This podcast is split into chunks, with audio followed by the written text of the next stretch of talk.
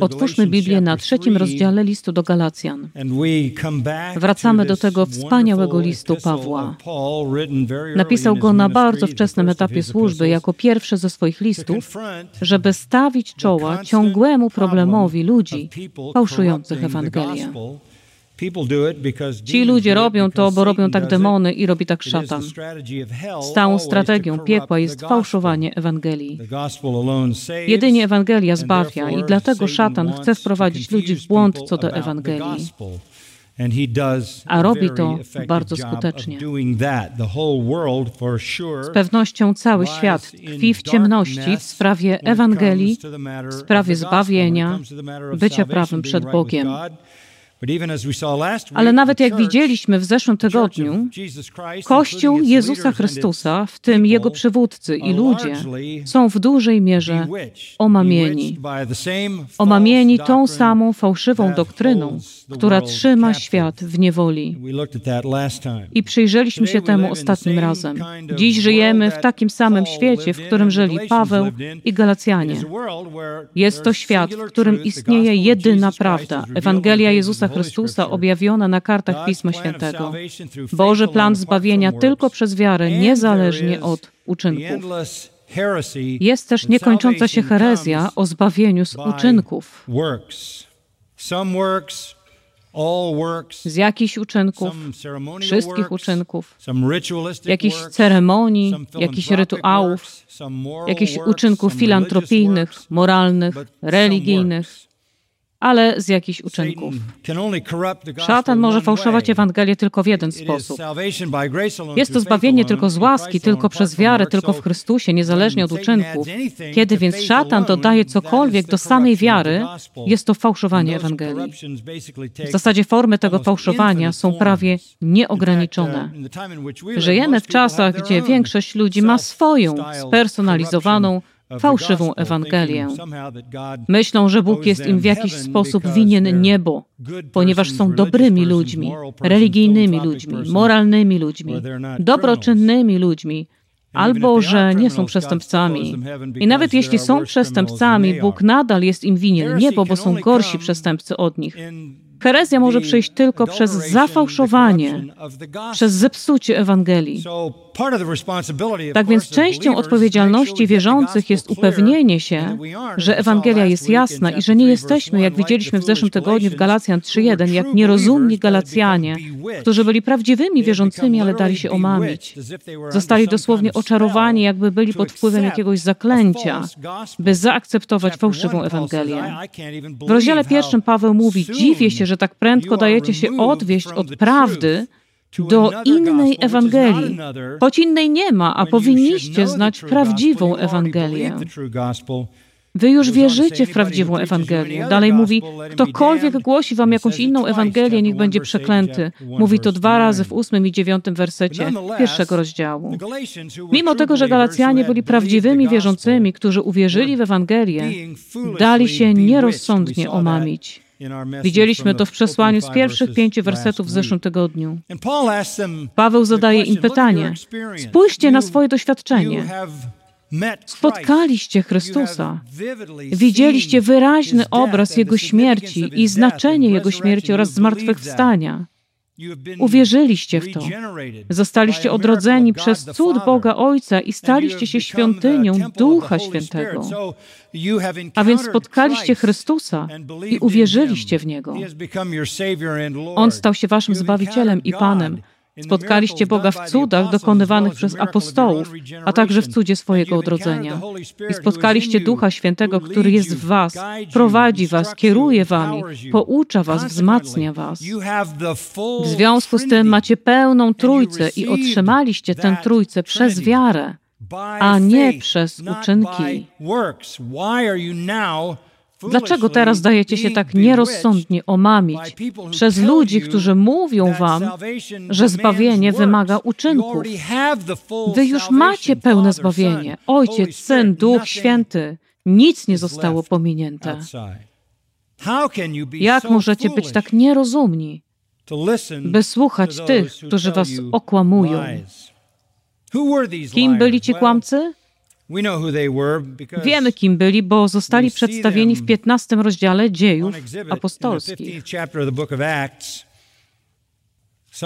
Pewni ludzie przybyli z Judei i zaczęli nauczać braci. To było w Jerozolimie. Przybyli do Jerozolimy we wczesnym kościele. Przybyli spoza Jerozolimy i Judei by nauczać. A oto czego nauczali wierzących. Jeśli nie zostaliście obrzezani według zwyczaju mojżeszowego, nie możecie być zbawieni. Więc w zasadzie mówili poganom, Żydzi byli już obrzezani, to nie miało żadnego duchowego skutku, ale mówili, że poganie muszą być obrzezani, bo inaczej nie będzie dla nich zbawienia. Poszli nawet dalej. Stwierdzili też, w wersecie piątym, że muszą być obrzezani i przestrzegać prawa mojżeszowego. Zostało to przedstawione przywódcom kościoła w Jerozolimie. Mieli spotkanie, które opisane jest w rozdziale 15. Apostołowie i starsi zebrali się razem, żeby rozmawiać o tych sprawach i powiedzieli w wersecie 11: Wierzymy, że zbawieni będziemy przez łaskę Pana Jezusa, tak samo jak i oni. Zbawienie jest z łaski przez wiarę, niezależnie od uczynków. To jest jedyna prawdziwa Ewangelia chrześcijaństwa. Wszystko, co się do niej dodaje, jest potępiającą herezją, czarującą herezją. A niewierzący są oczarowani wszelkiego rodzaju fałszywymi religiami uczynkowymi, w tym fałszywymi formami chrześcijaństwa. Ale jak mówiłem w zeszłym tygodniu i powtarzam to, większość kościołów chrześcijańskich, kościołów protestanckich jest pełna omamionych ludzi, którzy akceptują, nawet jeśli zostali zbawieni przez prawdziwą Ewangelię, fałszywe Ewangelie. Nauczanie Pisma Świętego jest jasne. W XVI rozdziale dziejów apostolskich Paweł rozmawiał ze strażnikiem więziennym z Filipi, który zapytał go, co mam czynić, abym był zbawiony. Paweł odpowiedział, uwierz w Pana Jezusa, będziesz zbawiony, ty i twój dom. Uwierz w Pana Jezusa, a będziesz zbawiony. W pierwszym rozdziale swojej Ewangelii apostoł Jan nie traci czasu. Zaraz po rozpoczęciu, w rozdziale pierwszym mówi: Dziećmi Bożymi są ci, którzy wierzą w Jego imię. W rozdziale trzecim Jezus mówi do Nikodema: kto wierzy w Niego, Syna Człowieczego, będzie miał życie wieczne. Albowiem tak Bóg umiłował świat, że Syna swego jednorodzonego dał, aby każdy, kto weń wierzy, nie zginął, ale miał żywot wieczny. Biblia zawsze mówi o zbawieniu tylko przez wiarę. A Paweł w drugim rozdziale Efezjan mówi, że jesteśmy zbawieni przez wiarę, a nie z uczynków. Wyraźnie to podkreśla. Nie z uczynków. Tak więc diabeł zawsze dodaje do Ewangelii łaski i wiary uczynki jako niezbędny środek do otrzymania zbawienia, przebaczenia i nieba. Z pisma wynika jednak jasno, że nie ma żadnych uczynków, którymi moglibyśmy zdobyć sprawiedliwość. Nie ma żadnych. Cała nasza sprawiedliwość to nasze brudne szmaty. Jesteśmy nęcni do szpiku kości. Nie ma w nas nic, co mogłoby podobać się Bogu. Nie ma w nas niczego, czym moglibyśmy uczcić Go w sposób, na jaki zasługuje, by być czczonym przez doskonałą sprawiedliwość. Nie możemy zatem twierdzić, że jakaś ceremonia lub jakiś rytuał, czy to chrzest, czy msza, czy jakikolwiek inny sakrament, jakiś akt dobroci lub filantropii, jakaś moralna jakość przejawiająca się w dobrym uczynku, odpowiada sprawiedliwości, której wymaga Bóg. Jezus powiedział: Świętymi bądźcie, bo ja jestem święty. Bo tak powiedział Bóg w Starym Testamencie. Jedynym sposobem, w jaki możemy być święci, jest to, że Bóg obdarzy nas swoją świętością swoją sprawiedliwością. Jeśli zaliczy ją na nasze konto, przypisze na nasze konto, lub jak czytamy w liście do Rzymian, poczyta ją za naszą, jeśli On daje nam swoją sprawiedliwość, a to jest Ewangelia, że jeśli uwierzysz w Pana Jezusa Chrystusa bez uczynków, jeśli uwierzysz w Pana Jezusa Chrystusa, będziesz zbawiony. To znaczy, że zostaniesz zbawiony od swojego grzechu przez przebaczenie i przyznanie sprawiedliwości Boga.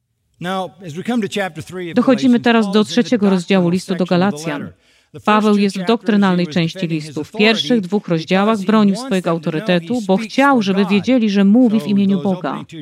Więc te dwa pierwsze rozdziały broniły jego apostolskiego autorytetu, tego, że był głosem Boga do nich. Ostatnie dwa rozdziały dotyczą wolności w chrześcijańskim życiu. Dwa środkowe, trzeci i czwarty, dotyczą Ewangelii wiary. Są to kluczowe wersety, które tworzą tę część listu do Galacjan. To część doktrynalna. To tutaj Paweł wykłada zbawienie tylko przez wiarę. Tak, na marginesie pisze to z namiętnego serca, pisze z zapałem. Pisze, jak sądzę, nawet ze złamanego serca, z powodu prędkiego odstępstwa i kapitulacji Galacjan, którzy zostali omamieni przez judaizantów. Pamiętajmy, że ci Żydzi przybyli z Judei, jak czytałem w 15 rozdziale dziejów apostolskich, byli Żydami. W 15 rozdziale dziejów apostolskich czytamy też, że byli wierzącymi Żydami. Oznacza to, że wierzyli w Jezusa jako Mesjasza. Nie wątpili w Jego krzyż i zmartwychwstanie. Oni wierzyli. To dało im dostęp do wierzących, bo byli wierzący. A potem przynieśli piekielną herezję, potępiającą herezję. A każdy, kto propaguje tę herezję, jest przeklęty, zgodnie z rozdziałem pierwszym. Paweł musiał to wyjaśnić. Był to niezwykle wielki atak na Ewangelię, że zbawienie jest nie tylko przez wiarę, ale przez wiarę plus coś innego.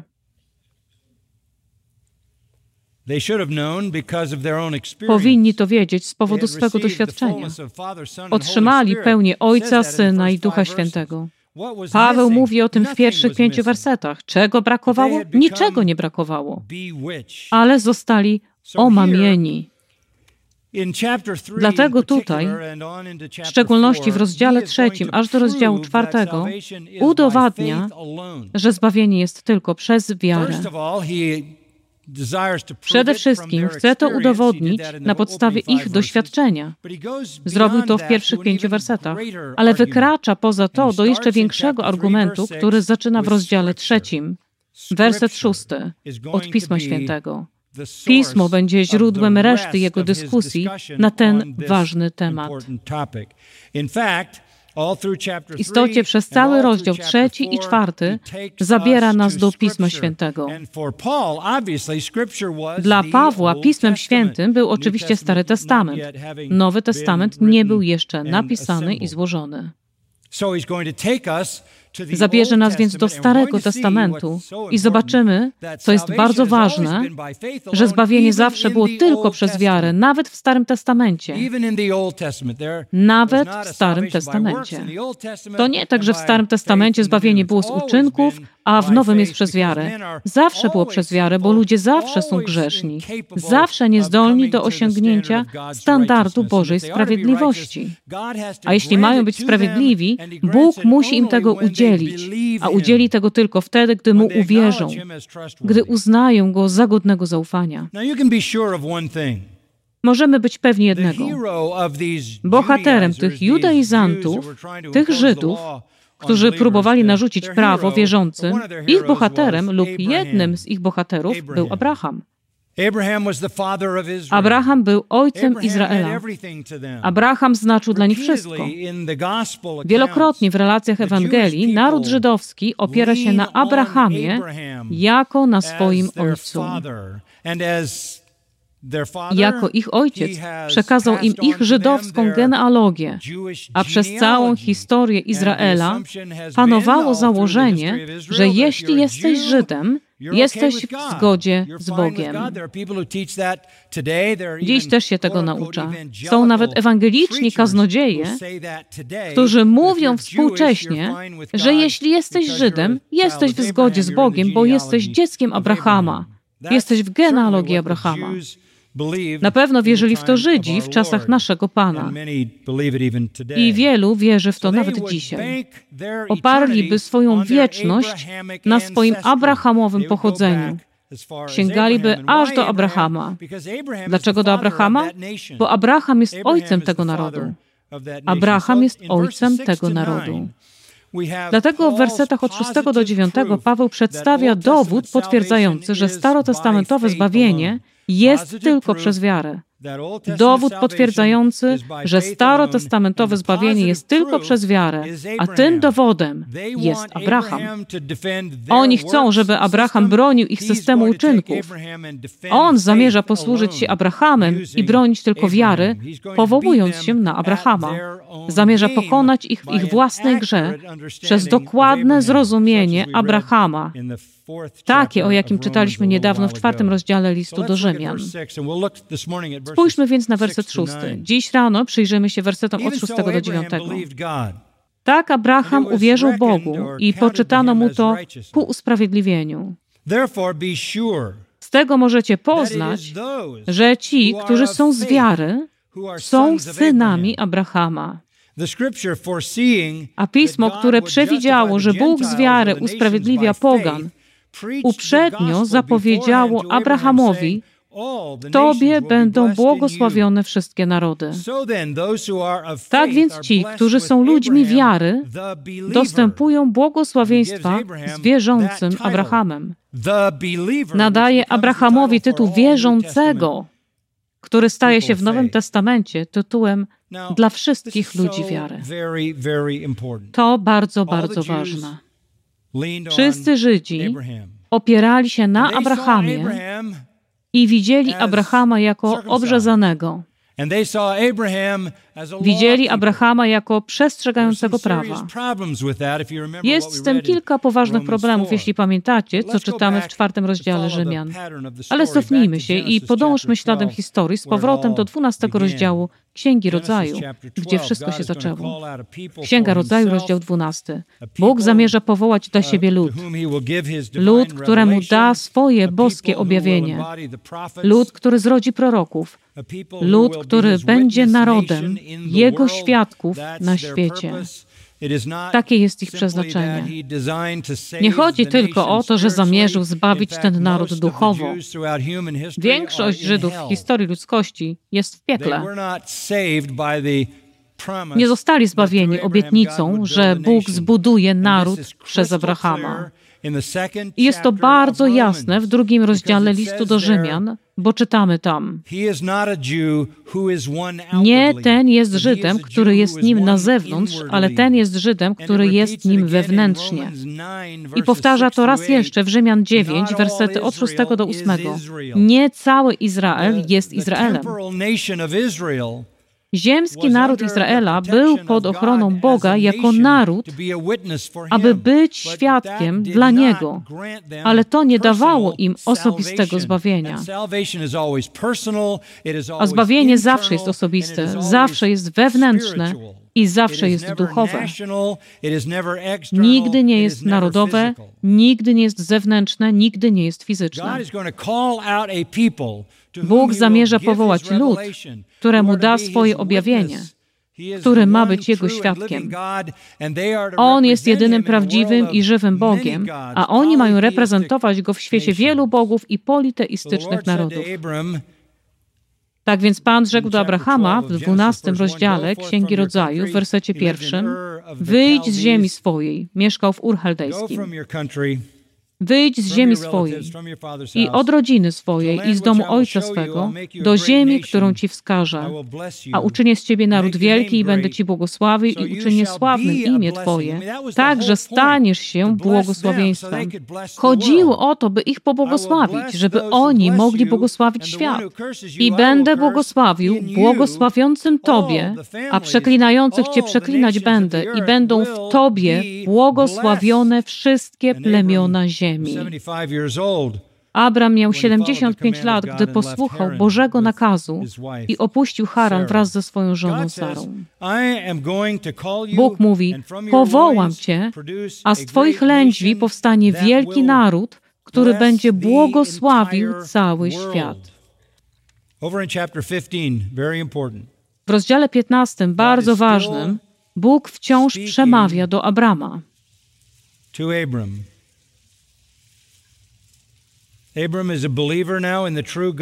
Abram jest teraz wierzącym w prawdziwego Boga. Jest wierzącym w prawdziwego Boga. Werset 22 rozdziału 14. Przysięgam na Pana, Boga Najwyższego, Stwórcę nieba i ziemi. Jest prawdziwym wierzącym w prawdziwego Boga. Porzucił wszystkich bogów swojego starożytnego rodu. Bóg przychodzi do niego ponownie w rozdziale 15 i mówi mu, żeby się nie bał. Jam tarczą Twoją, zapłata Twoja będzie sowita. Usłyszał, że będzie ojcem narodów, a nie ma nawet jednego dziecka. Panie Boże, werset drugi, cóż mi możesz dać, gdy jestem bezdzietny? A dziedzicem domu mego będzie Eliezer z Damaszku. No to był jego główny sługa, a jeśli nie było syna, wtedy dziedzictwo mogło przejść na syna najwierniejszego sługi. Nie mam dziecka. No werset trzeci. Przecież nie dałeś mi potomstwa, więc mój domownik będzie dziedzicem moim. Wówczas doszło go słowo Pana: Nie ten będzie dziedzicem Twoim, lecz ten, który będzie pochodził z wnętrzności Twoich, będzie dziedzicem Twoim. Potem wyprowadził go na dwór i rzekł: Spójrz ku niebu i policz gwiazdy, jeśli możesz je policzyć. I rzekł do niego: Tak liczne będzie potomstwo Twoje. Wtedy uwierzył Panu. Wtedy uwierzył Panu. To przepotężna obietnica wbrew całej rzeczywistości i prawdopodobieństwu. To starszy mężczyzna, żonaty ze starszą kobietą, którzy nie mogą mieć dzieci. No On nie ma potomstwa i wierzy, że Pan da mu tyle dzieci, ile piasku morskiego lub gwiazd na niebie. Uwierzył Panu. Oto kluczowy werset, a on poczytał mu to ku usprawiedliwieniu. Niesamowite. To właśnie wiara Abrahama sprawiła, że Bóg przypisał mu boską sprawiedliwość. Mamy tu zbawienie przez wiarę. Abraham jest prototypem wiary. Nie jest pierwszą osobą, która uwierzyła. Przez wiarę Henoch, Hebrajczyków 11, przez wiarę Noe, Hebrajczyków 11. Ale potem jest przez wiarę Abraham. I Abraham staje się swego rodzaju ojcem wiary dla wszystkich kolejnych pokoleń wierzących. Jest nie tylko fizycznym ojcem narodu żydowskiego, duchowo jest swego rodzaju prototypem ojcem wszystkich, którzy wierzą Bogu w historii ludzkości. Tak więc Bóg daje mu naród fizycznie, ale również przez ten naród przychodzi Mesjasz, a przez tego Mesjasza przychodzi światowa rodzina przez wiarę. To nieodłączna część obietnicy z 12 rozdziału Księgi Rodzaju. Żydzi powiedzieliby: Spójrz, Abraham jest wzorem. Tak, wierzył Bogu, ale Abraham był obrzezany. To prawda. Przejdźmy do końca rozdziału 16. Końcówka 16 rozdziału to smutna sytuacja.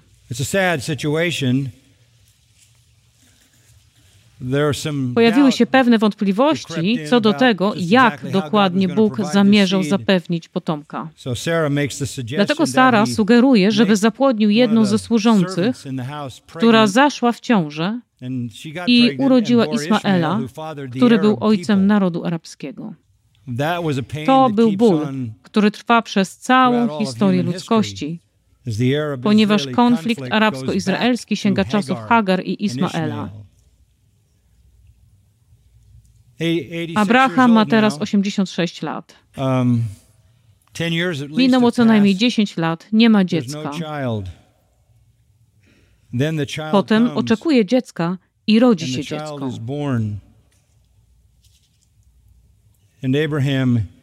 A Abraham miał 99 lat. Rozdział 17, werset pierwszy.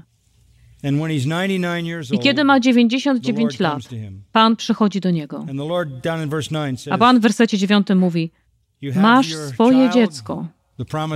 Obietnica właśnie się spełnia. Oto co chcę, żebyś zrobił. Będziesz strzegł mojego przymierza, ty i twoi potomkowie po wszystkie pokolenia. A to jest przymierze moje, przymierze między mną a wami i potomstwem twoim po tobie, którego macie dochować. Obrzezany zostanie u was każdy mężczyzna. Obrzeżecie mianowicie ciało napletka waszego i będzie to znakiem przymierza między mną a wami. Z pokolenia w pokolenie każde wasze dziecko płci męskiej, gdy będzie miało osiem dni, ma być obrzezany. Sługa urodzony w waszym domu lub nabyty za pieniądze, każdy obcy, który nie jest potomkiem twoim, ma być obrzezany. Obrzezany ma być sługa urodzony w domu twoim lub nabyty za pieniądze. Przymierze moje, przymierze obrzezania, będzie przymierzem na zawsze.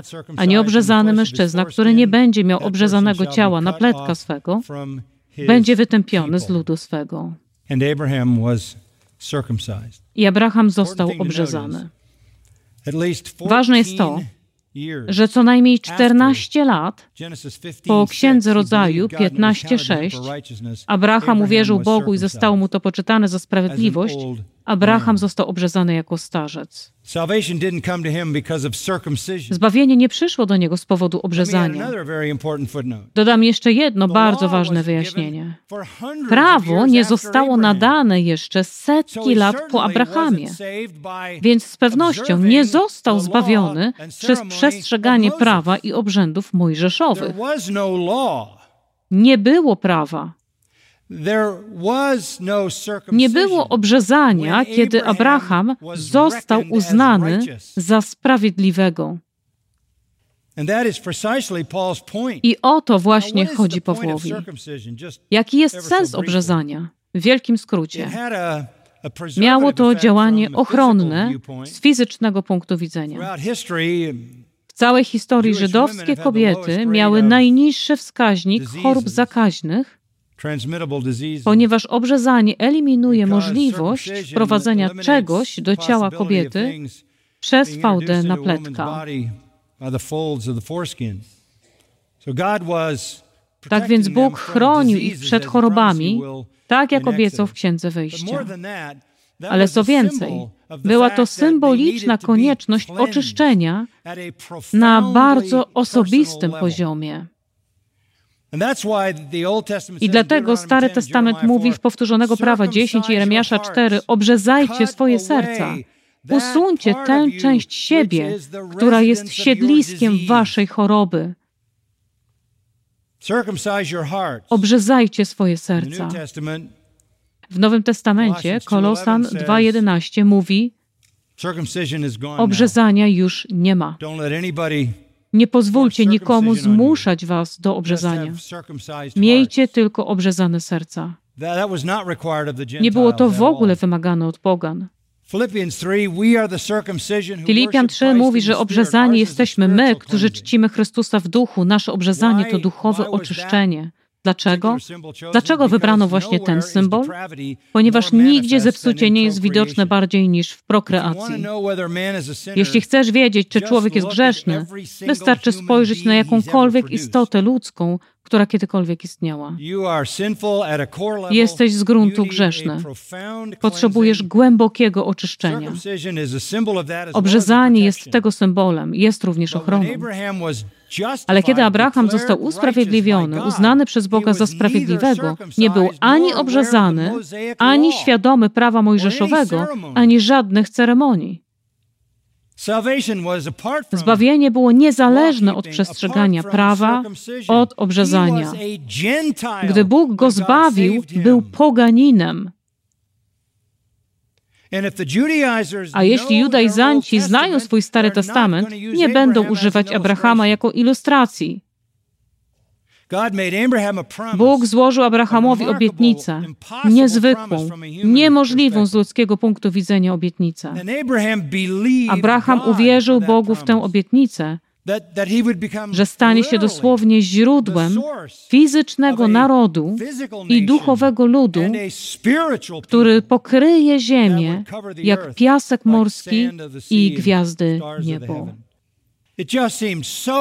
Wydawało się to po prostu niemożliwe, ale on uwierzył Bogu.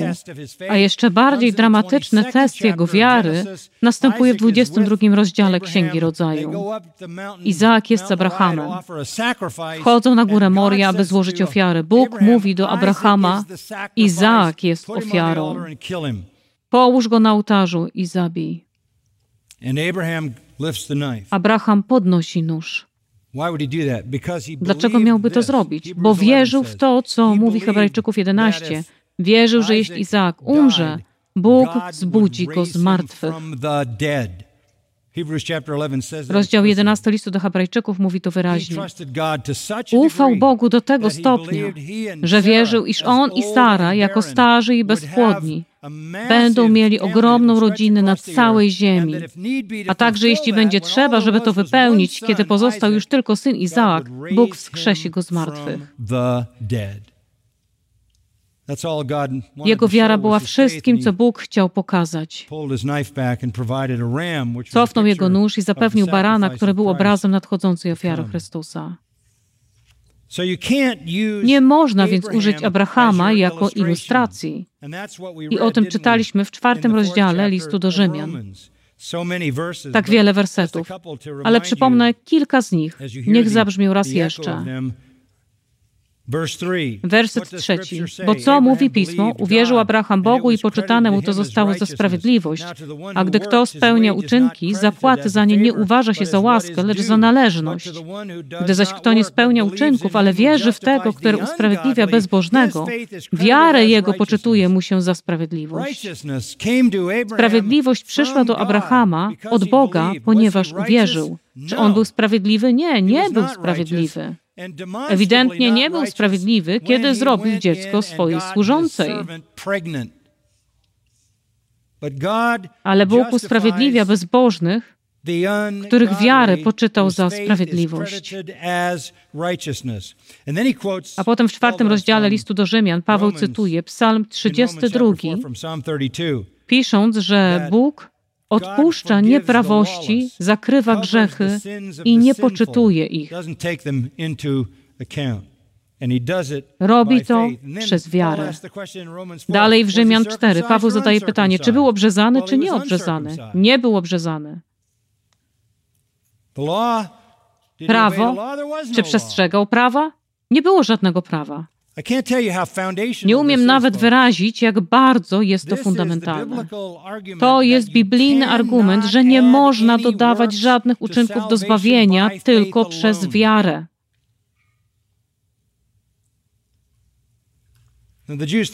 Żydzi uważali, że Abraham im wystarczy. Na początku Ewangelii Mateusza, w trzecim rozdziale, Jan Chrzciciel głosi Żydom i mówi im, że nie są lepsi od pogan, dlatego że musicie dać się ochrzcić. Musicie dać się ochrzcić. Jestem tutaj, żeby was ochrzcić. A jedynymi ludźmi w ich świecie, którzy się chrzcili, byli poganie, którzy jako prozelici przyjmowali judaizm. Był to więc chrzest prozelitów. Więc Jan Chrzciciel mówił, musicie się ochrzcić, to znaczy nie jesteście lepsi od pogan. No nie jesteście lepsi od pogan. Nie jesteście gotowi na Mesjasza. Jan Chrzciciel był prekursorem Mesjasza. Nie jesteście gotowi na Jego przyjście.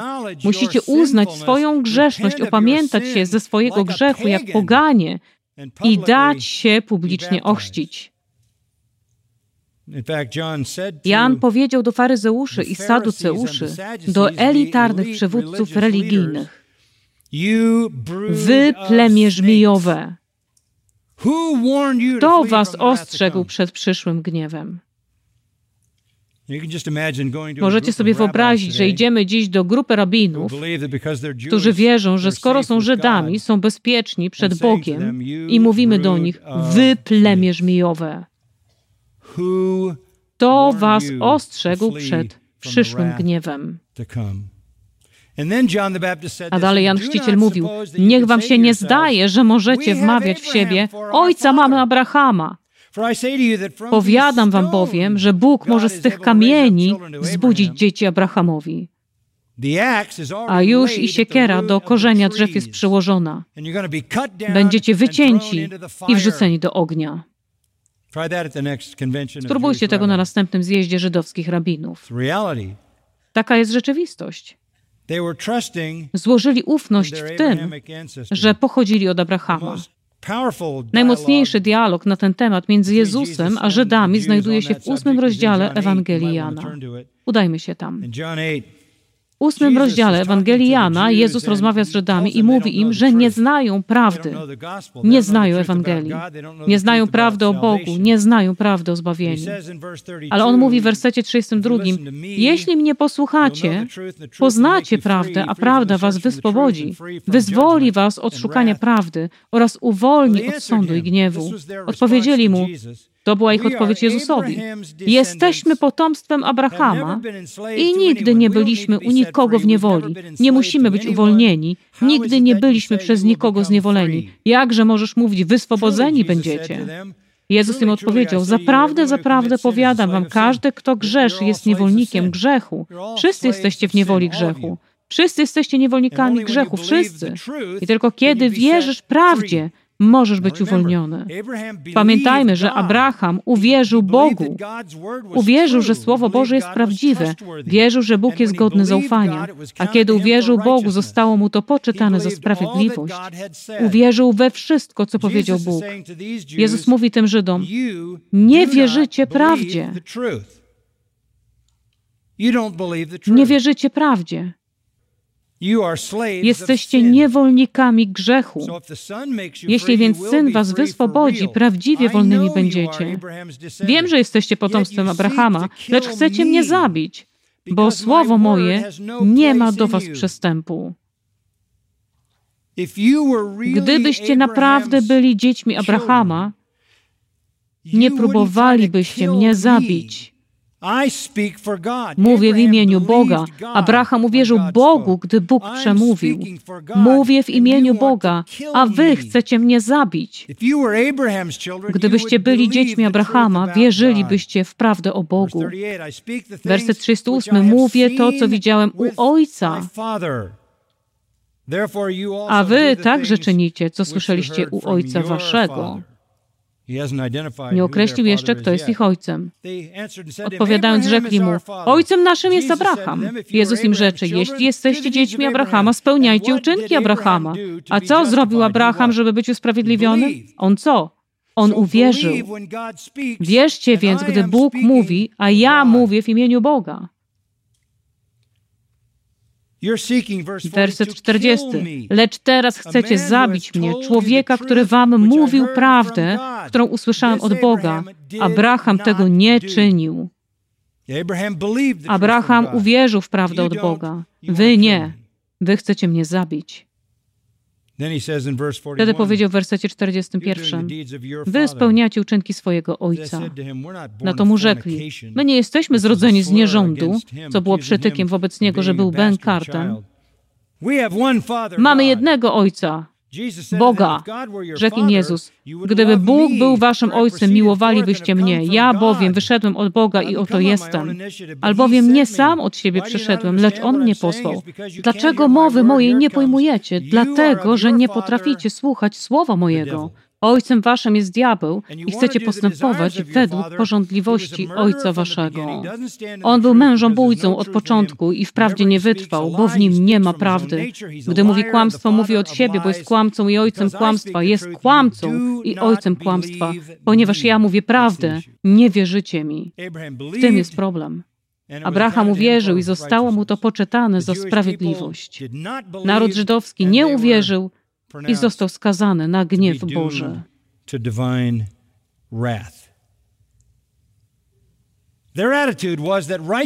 Ich podejściu Bóg był im winien sprawiedliwość, ponieważ byli dziećmi Abrahama.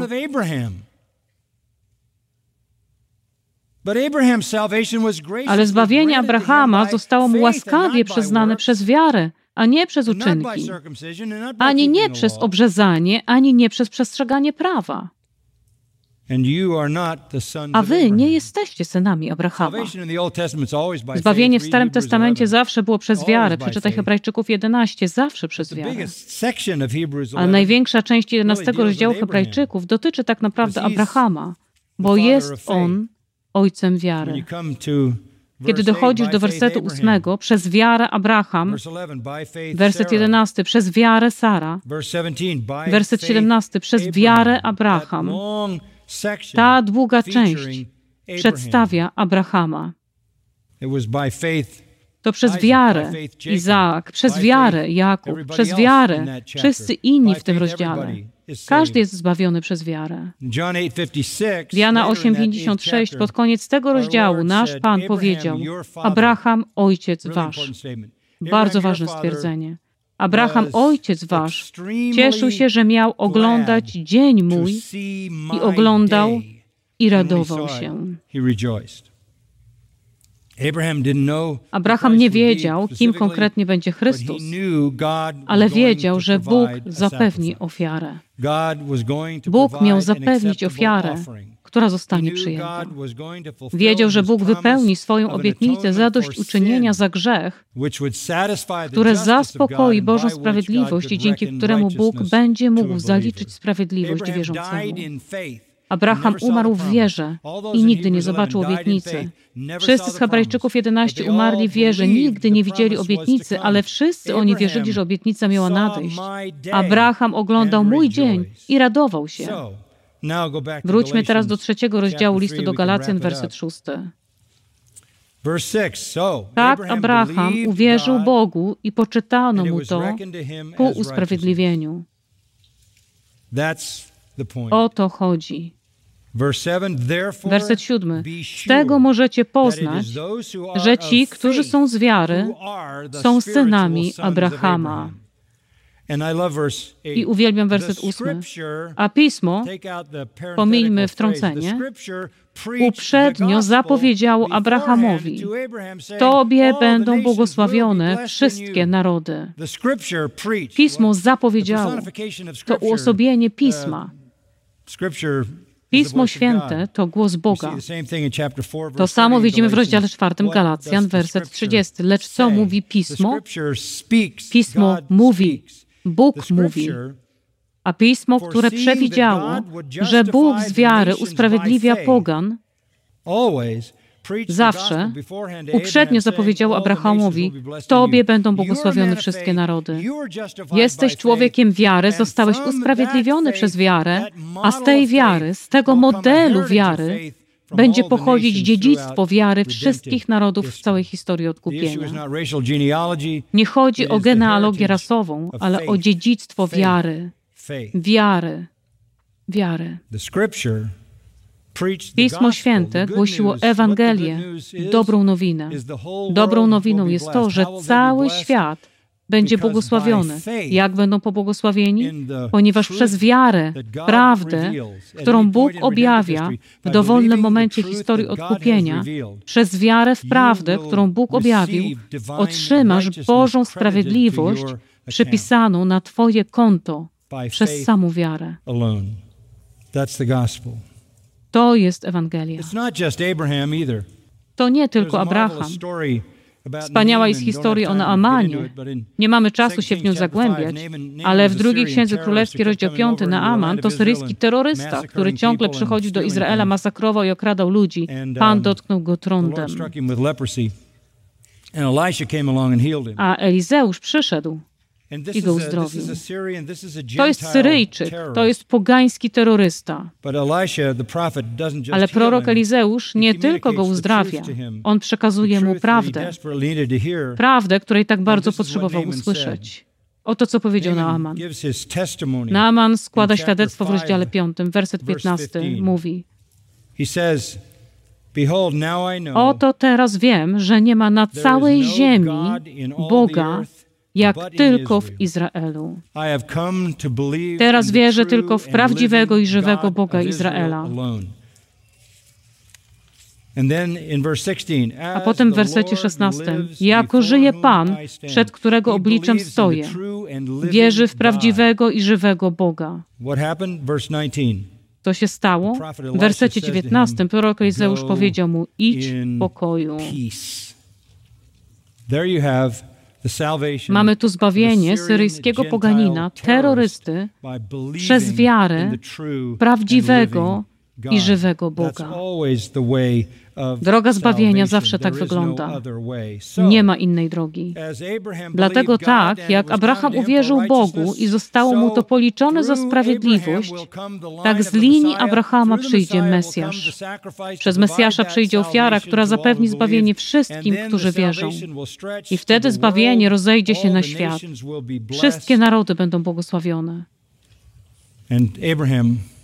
A Abraham będzie ojcem w prototypowym sensie wszystkich, którzy wierzą.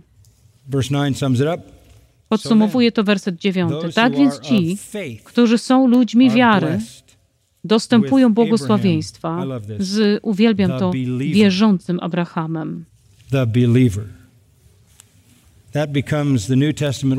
Stało się to słowem, którym Nowy Testament określa chrześcijan. Wierzący. To zawsze jest wiara. Tylko wiara. Bóg nie wymaga od nas niczego więcej. Wiara nie jest uczynkiem sprawiedliwości. Wiara jest pustą ręką, która otrzymuje sprawiedliwość.